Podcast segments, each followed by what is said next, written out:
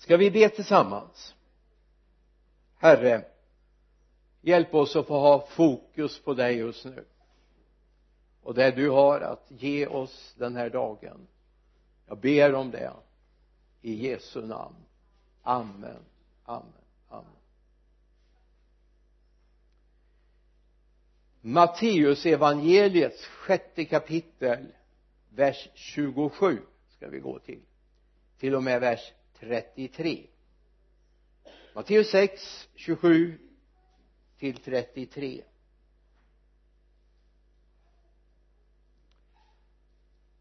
vem av er kan med sitt bekymmer lägga en enda an till sin livslängd?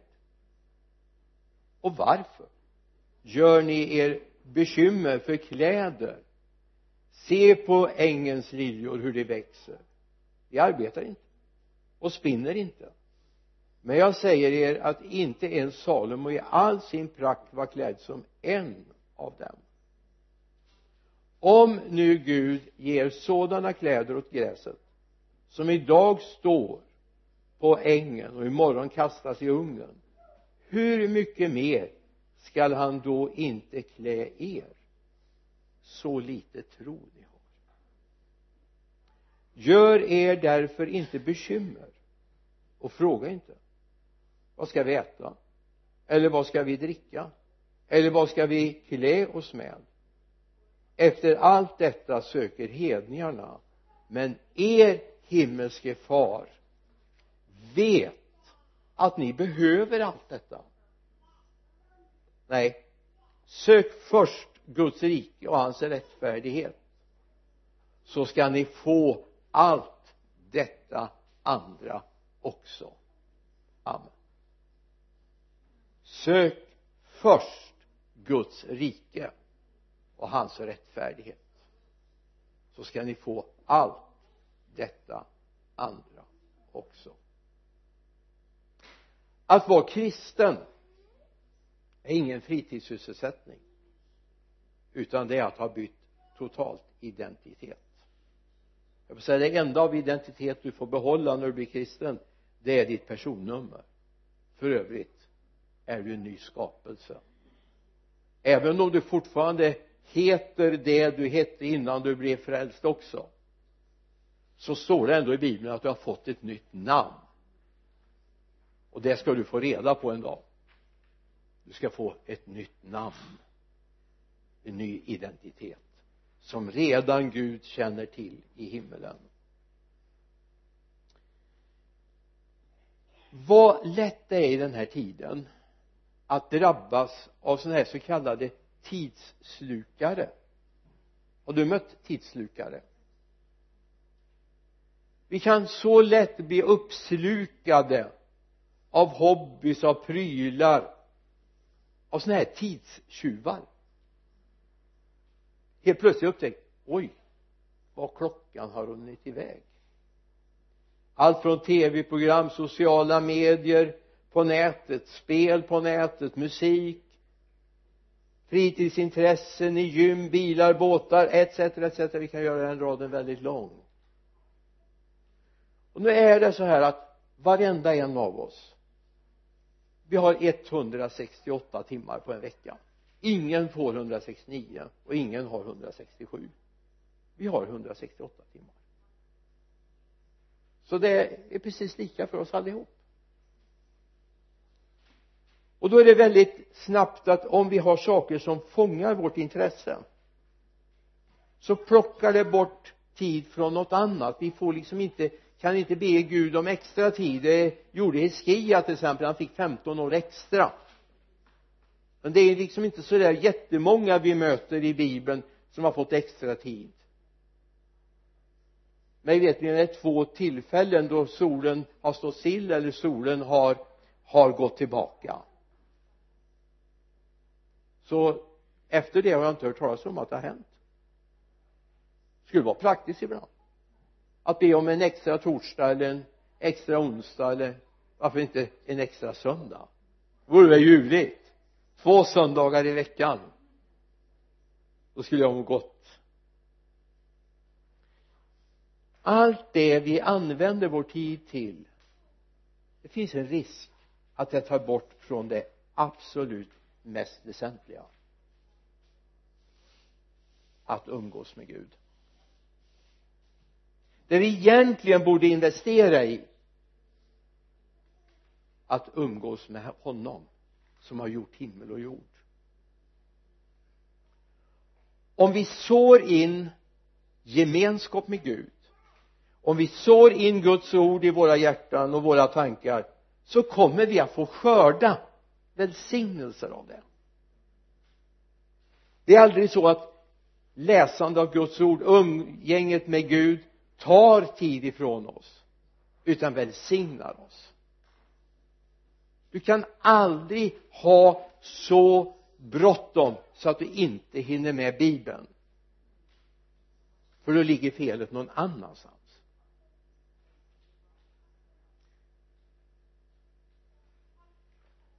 En känd förkunnare sa så här idag har jag så mycket att göra så jag tog dubbel tid med Herren idag på morgonen. För att jag ska hinna det jag ska göra. Jag förstår att det här kan låta helt bakvänt om du inte har prövat att ha mer tid med Gud. Du blir effektivare du blir mer välsignad du får saker att flyta på på ett bättre sätt även i det vardagliga. Så om vi sår in Guds ord om vi sår in Guds gemenskapen i vårt hjärta så kommer vi skörda välsignelser som gör att saker går bättre. Att saker flyter på på ett sätt som det inte hade gjort annars. Så skörda välsignelser genom att du sår in Guds ord i ditt hjärta, ditt tänkande. Så att du får det som en referenspunkt för allt det du gör. För det är inte så här att Gud är ointresserad av din vardag. Gud är i allra högsta grad intresserad av din vardag. Gud är inte bara söndagens Gud. Gud är hela veckans Gud.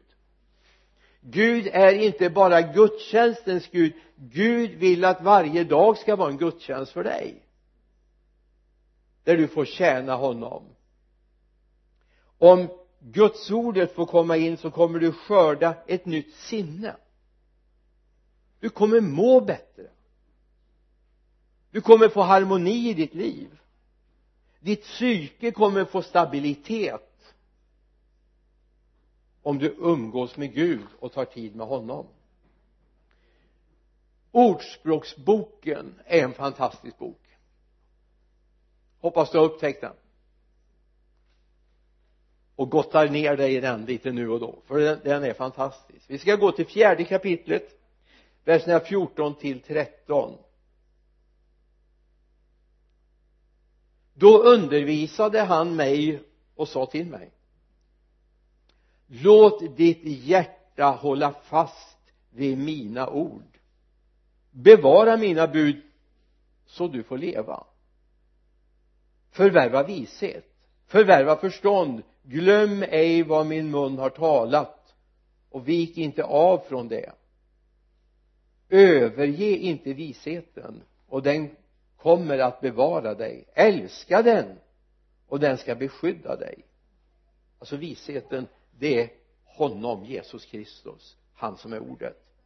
Eh, fjärde kapitlet vers 4 börjar jag. Ordspråksboken 4 4 till 13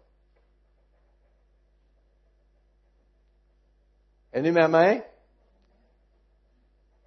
Börjar på vers 7 då. Visheten är det främsta. Förvärva vishet förvärva förstånd för allt du äger. Håll den högt så att så skall den upphöja dig. Den ger dig ära när du griper om den. En skön krans skall den sätta på ditt huvud en ärekrona skall den räcka dig. Hör min son. Tag emot mina ord så skall dina levnadsår bli många. Jag undervis jag undervisar dig om vishetens väg. Jag leder dig på den rätta stigarna.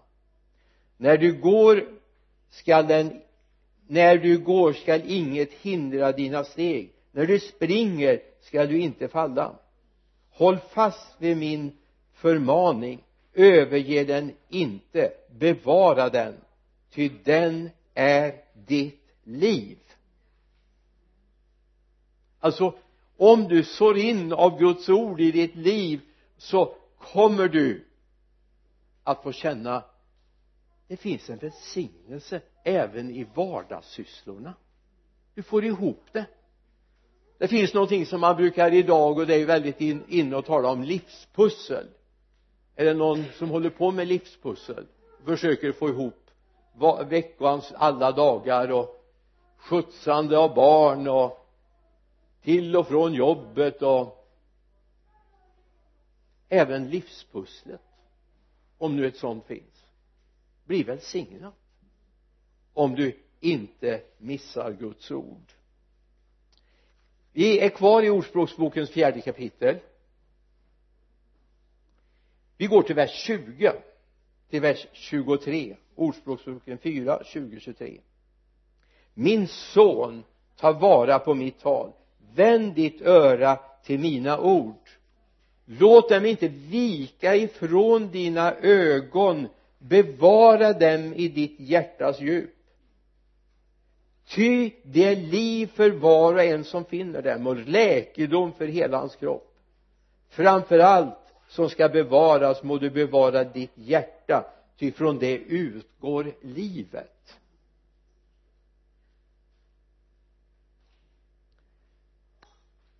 Ta vara på Guds ord. Så in det i ditt inre. Att vara kristen sa jag förut det är inte en fritidssysselsättning utan det är ett nytt liv. Det är en ny identitet. Det är en ny målinriktning för livet. Oavsett i vilken situation du kom till tro på Jesus Kristus. Oavsett vad du sysslade med hur din livssituation såg ut så kommer det bli en betydande förändring den dagen Jesus blir herre i ditt liv nya värderingar. Ny livsinriktning, nytt mål för hela min tillvaro. Att bli kristen det är att få en ny djup identitet. En ny djup personlighet. Får jag säga någonting inom parentes? Ett personligt vittnesbörd. Jag vet inte om det är så att man börjar bli lite sentimental när man kommer lite upp till åren så här när man har sin framtid bakom sig. Så känner jag så här.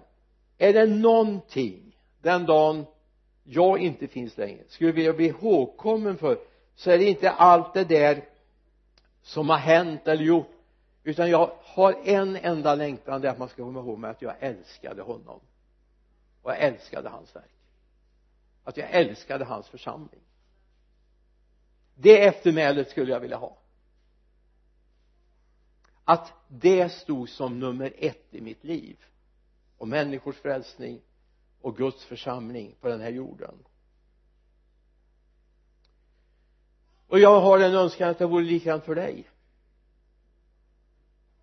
Att det som du ska kommas ihåg för en dag det är att församlingen stod som prio ett i alla lägen församlingen stod som prio ett. Alltid. För det är det och den genuppsättningen som du har fått när du tog emot Jesus Kristus och släppte in honom i, han, i ditt hjärta. Du kan inte ha en annan prio då. Du måste ha honom som nummer ett. I allt. Från måndag morgon till måndag morgon. Så ska han vara nummer ett i ditt liv. Paulus bekänner och säger i Galaterbrevets andra kapitel vers 19 och 20 Galaterbrevet 2, 19, 20 ty jag har genom lagen dött bort från lagen för att jag ska leva för Gud. Jag är korsfäst med Kristus. Och nu lever inte längre jag utan Kristus lever i mig. Och det liv jag nu lever i min kropp det lever jag i tron på Guds son som har älskat mig och utgivit sig för mig. Ty jag har genom lagen dött bort från lagen för att jag ska leva för Gud. Jag har fått en ny genuppsättning. Jag har fått ett nytt tankesystem. Innan jag blev frälst så var karriären det centrala. Jag offrade ett år på en mycket tuff utbildning för att komma framåt i livet tills Gud drabbade mig. Jag hade missat gymnasiet, jag missade realskolan jag missade det mesta av skoltiden. Och så investerade jag stentufft i ett år. Vi hade tre tentor i veckan. Där vi började klockan sju på morgonen slutade sex på eftermiddagen och läste ämne efter ämne och tentade av. Körde i stort sett dygnet runt. För jag skulle ha karriär. Ett språk som jag aldrig har lärt mig egentligen det är tyska. Jag gick en snabbkurs i tyska för att jag skulle kunna tenta in på den linjen eller pröva in på den linjen på tyska. Och klarade av det på tekniska högskolan i Örebro. Det fanns bara ett fokus för mig. Jag ville göra karriär jag hade missat min skoltid. Jag hade missat att läsa mina läxor. Jag hade lekt bort min, min eh, ungdom. Hade slarvat bort den enormt. Och så hade jag ett fokus. Och så kom Jesus och sa jag vill ha dig i min tjänst. Du behöver inte läsa på teknisk högskola.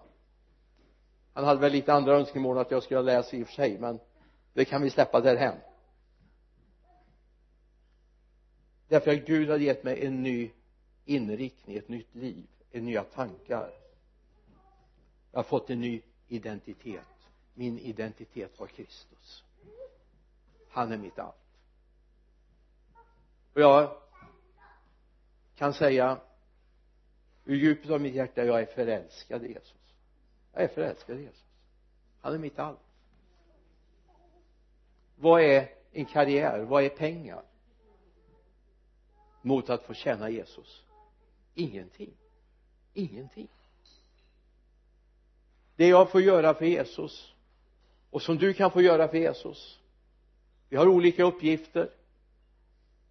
Alla kommer inte stå på den här platsen. Alla kommer inte vara församlingspastorer. Men alla kan vara evangelister. Alla kan vara herdar på sitt område. Alla kan tjäna honom. Och det enda du tar med dig det är inte det du har byggt upp på den här jorden utan det du har byggt upp för himlen. Det är det enda du har med dig. Och det är viktigt. Gud gav oss en ny genuppsättning. Ta vara på den. Ta vara på den. Så kommer vi till den här bibeltexten. Och jag, jag är så glad att det står att vi ska också få allt det här andra. Det är inte så här att vi är bara ande. Vi är andliga varelser, ja. Men vi är också fysiska varelser, eller hur?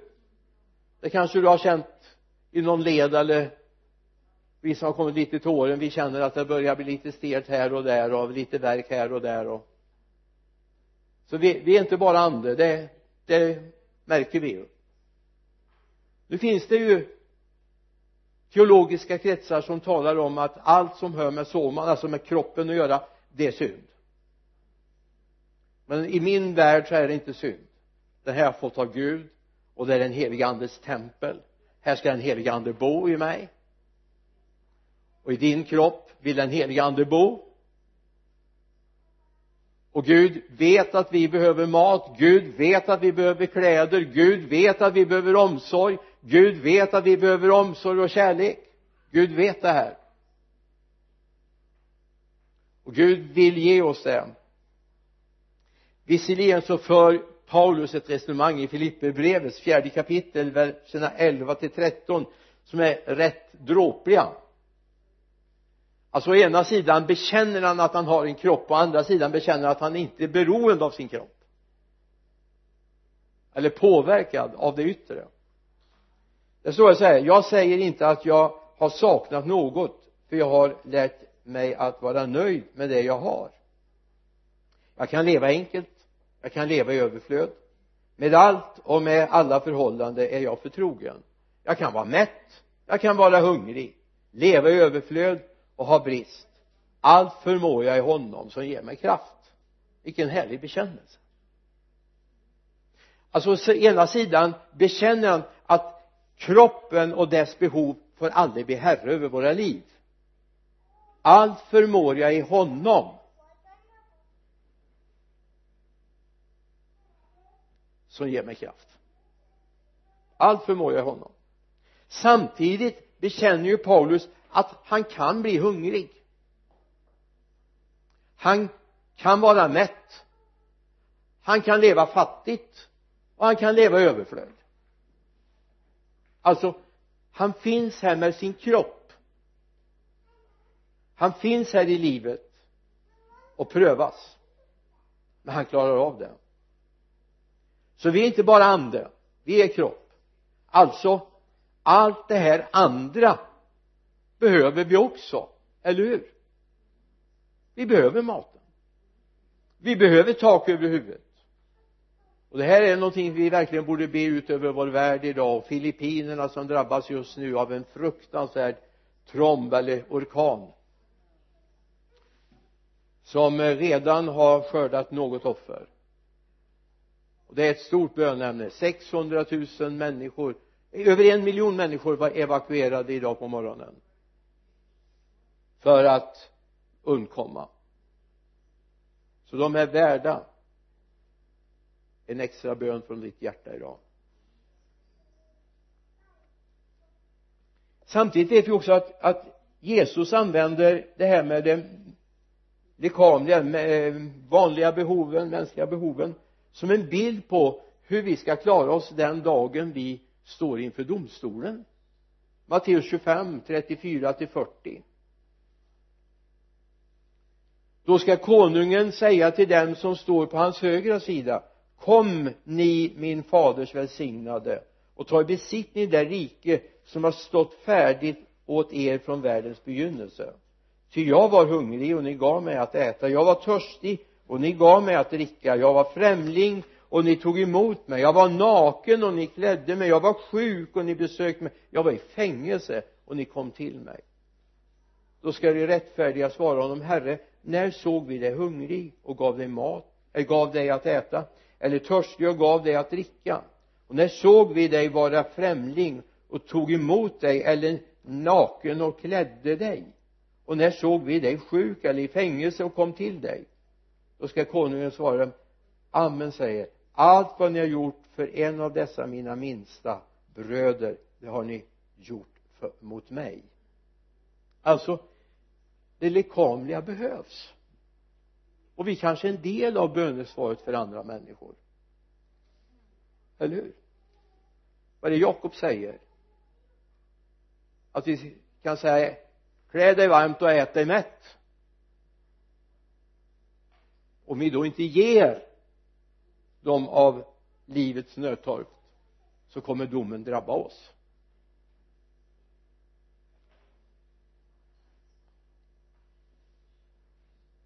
Samtidigt så är det så gott att veta att vår Gud han har koll på allt. Vilket löfte när vi förstår att allt det här andra ska han ge oss. Och när vi kan sätta in det i vårt eget sammanhang när det här blir en del av vår kontext det är fint ord för sammanhang. När vi kan sätta in det det gäller mig också. Matteus 6, 33 34 framför allt nej sök först Guds rike och hans rättfärdighet. Så skall ni få allt detta andra också. Gör er alltså inte bekymmer för morgondagen. Den ska själv bära sitt bekymmer var dag har nog av sin egen plåga. Så ska ni få allt detta andra. Tror jag ska höra ett amen. Liksom som är på plats. Och sen kommer det som vi är nog sämst på. Jag tror att den grenen som vi är jättedåliga på jag är dålig på många grenar men det här är jag speciellt dålig på. Gör er inga bekymmer för morgondagen. Jag höll på att säga jag vågar inte ens be om handuppräckning och se vilka av er som inte bekymrar sig för morgondagen.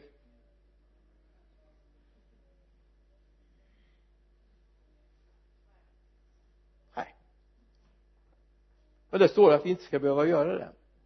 Men det har att göra med när vi har prövat vem Gud är. När vi har mött honom och när vi har sett att vi har kunnat lämna över bekymren på honom då behöver ju inte jag göra mig bekymmer han fixar ju det. Då kan jag vila i det. Att okej okay, det är problem det skapas bekymmer men amen du är med. Du är med. Du hjälper mig. Så gör det inget bekymmer för morgondagen. Var inte en tröst att höra det.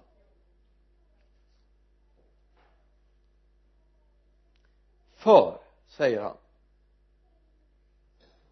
se på himlens fåglar. De sår inte. De skördar inte och samlar inte i lador och ändå föder er himmelske fader dem.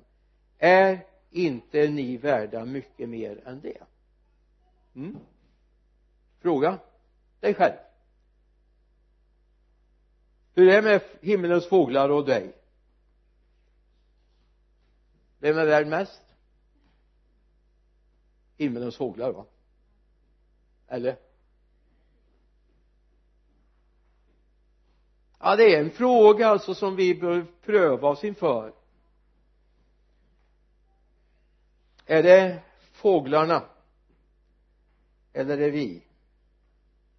Vem av er kan med sitt bekymmer lägga en enda an till sin livslängd? Och varför gör ni er bekymmer för kläder?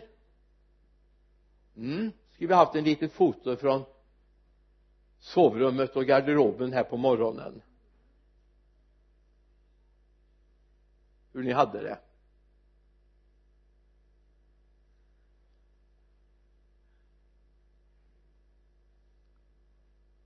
Se på ängens liljor hur de växer. De arbetar inte och spinner inte. Men jag säger er att er, det inte en sal med all sin prakt var klädd som en av dem. Ibland undrar jag. Jag möter ibland människor som säger till mig att det där med, med bibeln bryr jag mig egentligen inte om ja i, i och för sig det, det finns två sammanhang som, som vi man, man, kan hålla sig till. Om man är lite gudfruktig och rättfärdig man säger Mose lag och så bergspredikan som man bara tror är saligprisningar.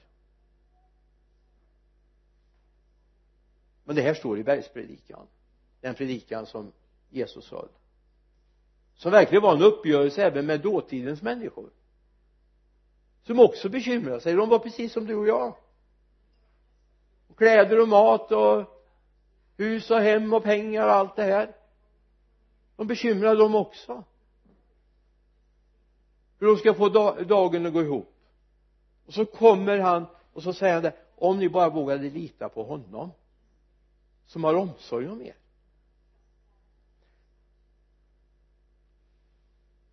Vers 30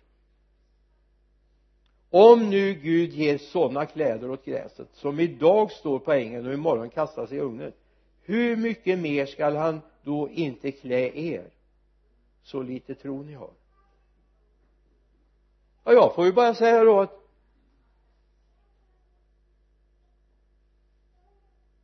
jag och kanske någon till då faller under kategorin så lite tro vi har. Eller hur? Sen finns det ju en och annan som är sådär obekymrad men det är kanske är en helt annan sak. Det handlar inte om tillit det handlar om att man är i personlighet sån att man är väldigt lite bekymrad. Det fixar sig. Eller också har man någon som fixar det åt sig. Och då kanske man inte behöver ha så mycket bekymmer. Men det är ju lite fusk så att säga va? Eller hur? Om nu Gud ger sådana kläder åt gräset som idag står på ängen och imorgon kastas i ugnen hur mycket mer skall han då inte klä er eller oss? Och Gud har omsorg men då handlar det om att vi släpper in Gud i våra liv. Så att han får en chans att beröra oss att göra någonting av våra liv eller är det så att vi faktiskt är jämställda med hedningarna? I den här begreppsvärlden så är hedningar det är de som har vänt eller struntar i den levande guden. De håller sig till andra gudar andra sätt att tillbe och bryr sig inte om den levande guden. De är hedningar.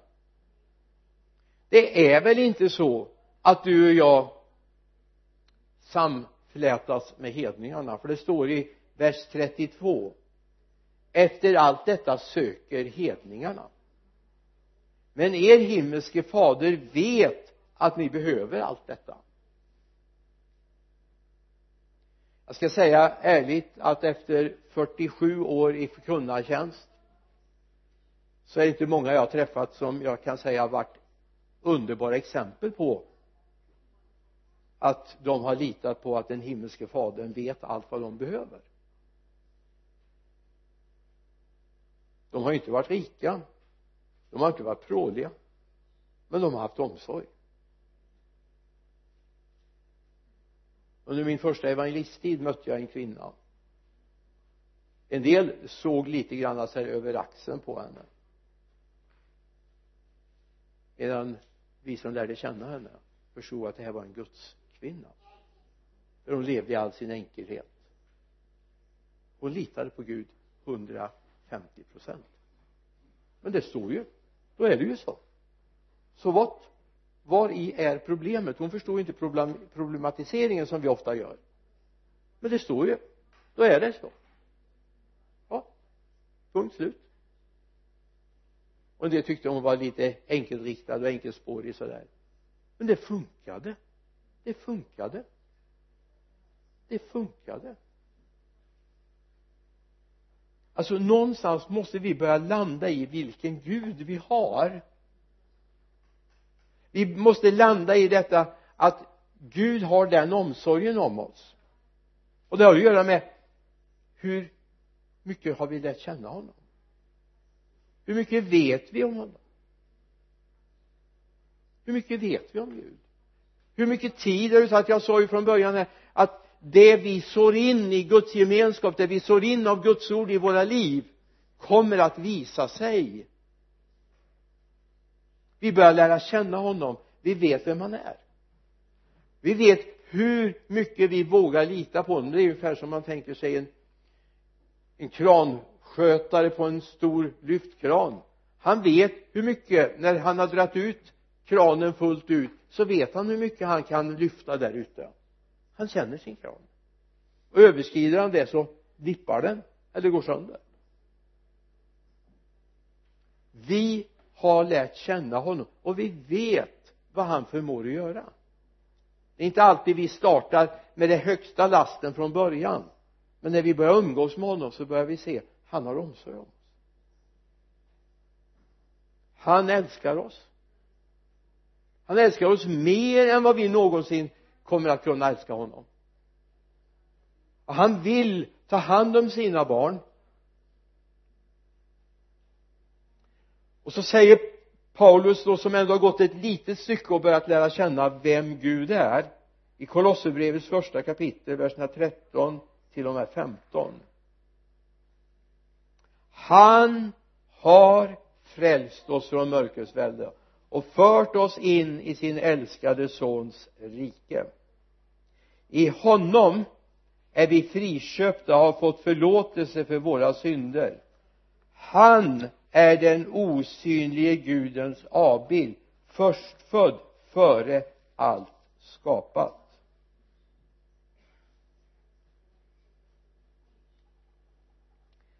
När man kommer in i det skedet så man verkligen vet att man börjar umgås med Gud. När man börjar kunna samtala med honom. Och när man hör Gud tala och påpeka saker i ens liv. Så förstår man då har man kommit ett litet litet stycke. Man har gjort ett genombrott i sitt liv. Det är sånt där genombrott som du skulle behöva göra i ditt liv. Det här är inte förunnat ett litet utvalt människor några stycken så kallade andliga ledare utan det är tänkt för dig. Det är sån där vanlig vardagspraktisk upplevelse vi behöver i vandringen. Och då står det i Hebreerbrevets första kapitel vers 3 sonen alltså Jesus utstrålar Guds härlighet och uppenbarar hans väsende och håller allt genom sitt mäktiga ord. Och sedan han utfört en rening från synderna sitter han nu på majestätets högra sida i höjden. Sonen alltså när vi umgås med Jesus så märker vi att han utstrålar Guds härlighet. Alltså lär du känna Jesus så kommer du lära känna faderns härlighet. Och han är ingen mystisk figur för det utan han blir en mycket tajt vän. En mycket nära vän. Verkligen en fad för dig. En fullkomlig fader. Och när du umgås med sonen så kommer du lära känna fadern. Och du kommer se hans innersta personlighet, hans väsen. Vem han verkligen är. Och det här är ingenting som är tänkt för en liten elitgrupp det är tänkt för dig. För du är hans barn. Du är hans barn.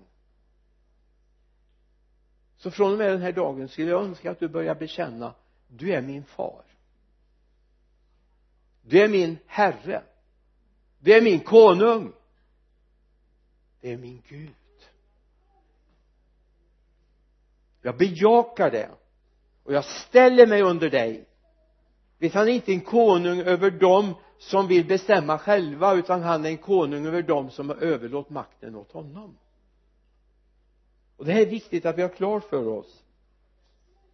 Det är Jesus som vill och han kan uppenbara Guds härlighet för dig. Nyckeln till att få allt det här andra. Nyckeln visst står man vid en låst dörr så är man väldigt intresserad av nyckeln, eller hur? Ibland har jag känt så här när jag kommer hem sent på kvällen och ska låsa upp och jag vill inte tända upp så ibland skulle jag önska snarare att någon gav mig ett nyckelhål. Det är svårt att hitta nyckelhålet i mörkret. Så man är rädd att man ska väcka alla grannarna i trappuppgången också. Men nyckeln det är att sätta Guds rike och hans rättfärdighet först. Number one. Alltså att sätta Guds rike först det betyder att jag bekänner att det är Gud som bestämmer. Att jag blir en del av den område som han bestämmer 24 timmar om dygnet. Jag är en del av den jag är i hans kungarike. Jag är i hans herravälde. Och rättfärdigheten som Gud vill forma oss till för att vi utan rättfärdigheten kommer du aldrig komma, komma, kunna komma i närheten av Gud. Det är genom rättfärdigheten som du får tillträde och kan träda fram inför Guds ansikte i din egen personlighet i din egen duglighet kommer du aldrig kunna träda fram inför Guds ansikte. Det kommer vara en slöja mellan dig och Gud. Men om du är förklarad rättfärdig och har sökt Guds rike och hans rättfärdighet först så får du möjlighet att träda fram inför Gud. Gud är inte långt borta från någon enda som söker honom säger Guds ord. Guds rike får inte hållas på avstånd. Gud är inte någonting där borta utan Gud är någonting som är nära. Och det är att söka Guds rike först och hans rättfärdighet. Vad är Guds rike? Jo Guds rike det är där Guds vilja råder. Alltså kan vi säga det som sker i vår värld idag det är inte Guds rike. Eller hur? För säga varken i vårt land eller i andra länder. Utan Guds rike det är där Guds vilja råder. Och det är precis det här som vi är uppmanade att be. I Matteus 6, 10 står det komme ditt rike. Ske din vilja på jorden liksom den sker i himlen. Alltså hur kommer hans rike? Jo genom att vi ber att den vilja som sker i himlen just nu som är fullkomlig, som är rättfärdig, som är kärleksfull att den börjar ske här nu. I ditt hjärta.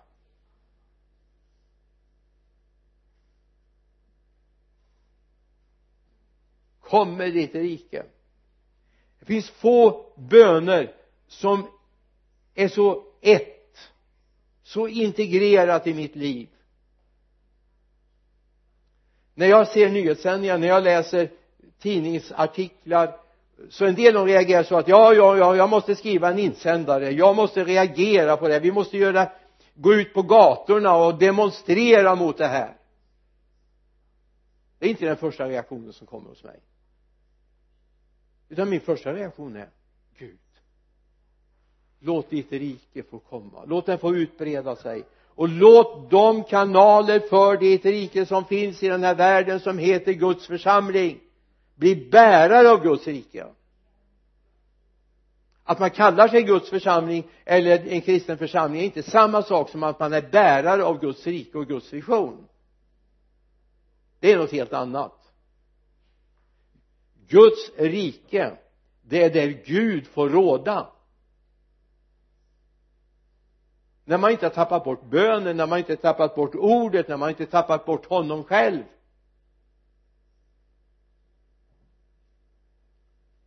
Det är det som behövs. Och när vi gör detta av ärligt hjärta så kommer vi se att allt det här andra också ordnar sig. Det gör det. Gud har omsorg om dig. Gud älskar dig. Precis som eh, föräldrar älskar sina barn och vill dem det allra bästa? Eller det förmodar jag att du har velat eller hur? Du vill dem det allra bästa?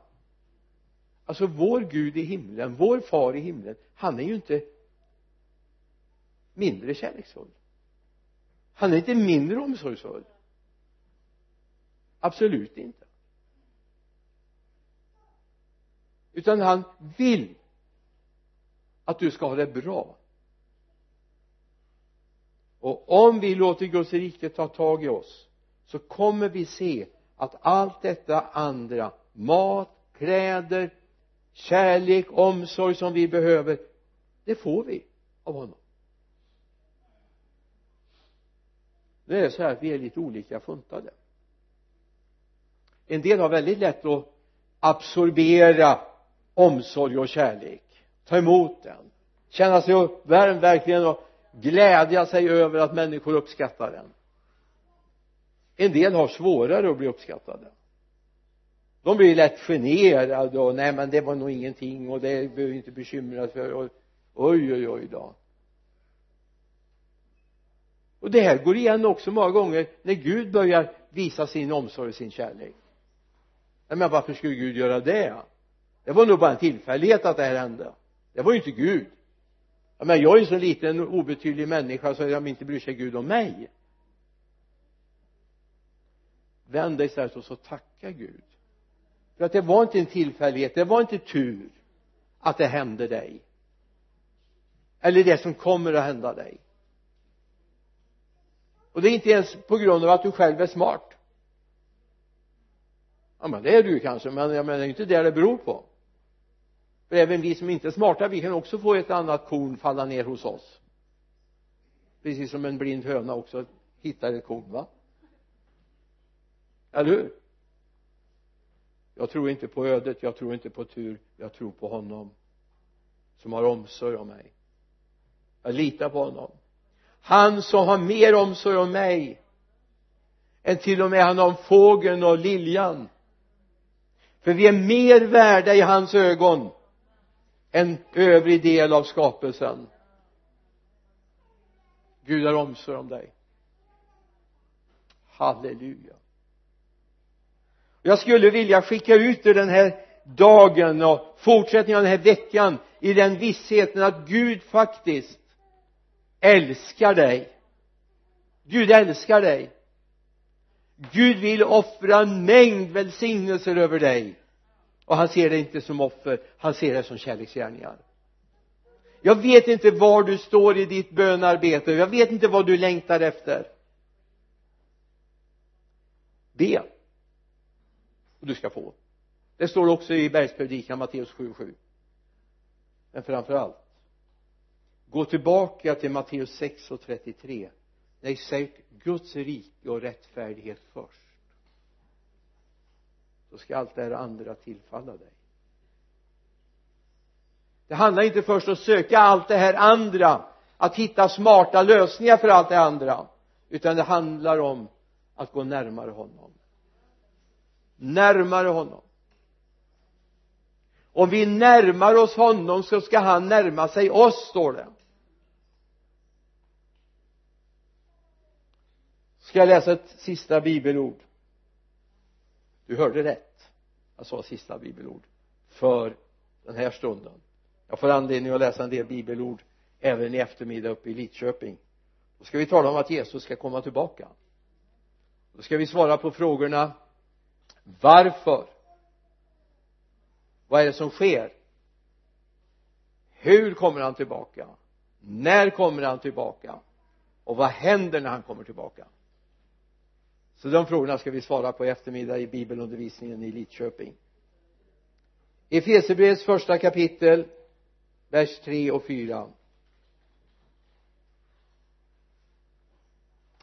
alltså jag ska läsa det först. Och sen slår du upp det här i din bibel eftersom jag inte lägger upp det på skärmen nu. Så jag tänkte vi ska läsa det här tillsammans sen. Efesierbrevets första kapitel verserna 3 och 4 välsignad är vår Herre Jesu Kristi Gud och Fader som i Kristus har välsignat oss med all den himmelska världens andliga välsignelser.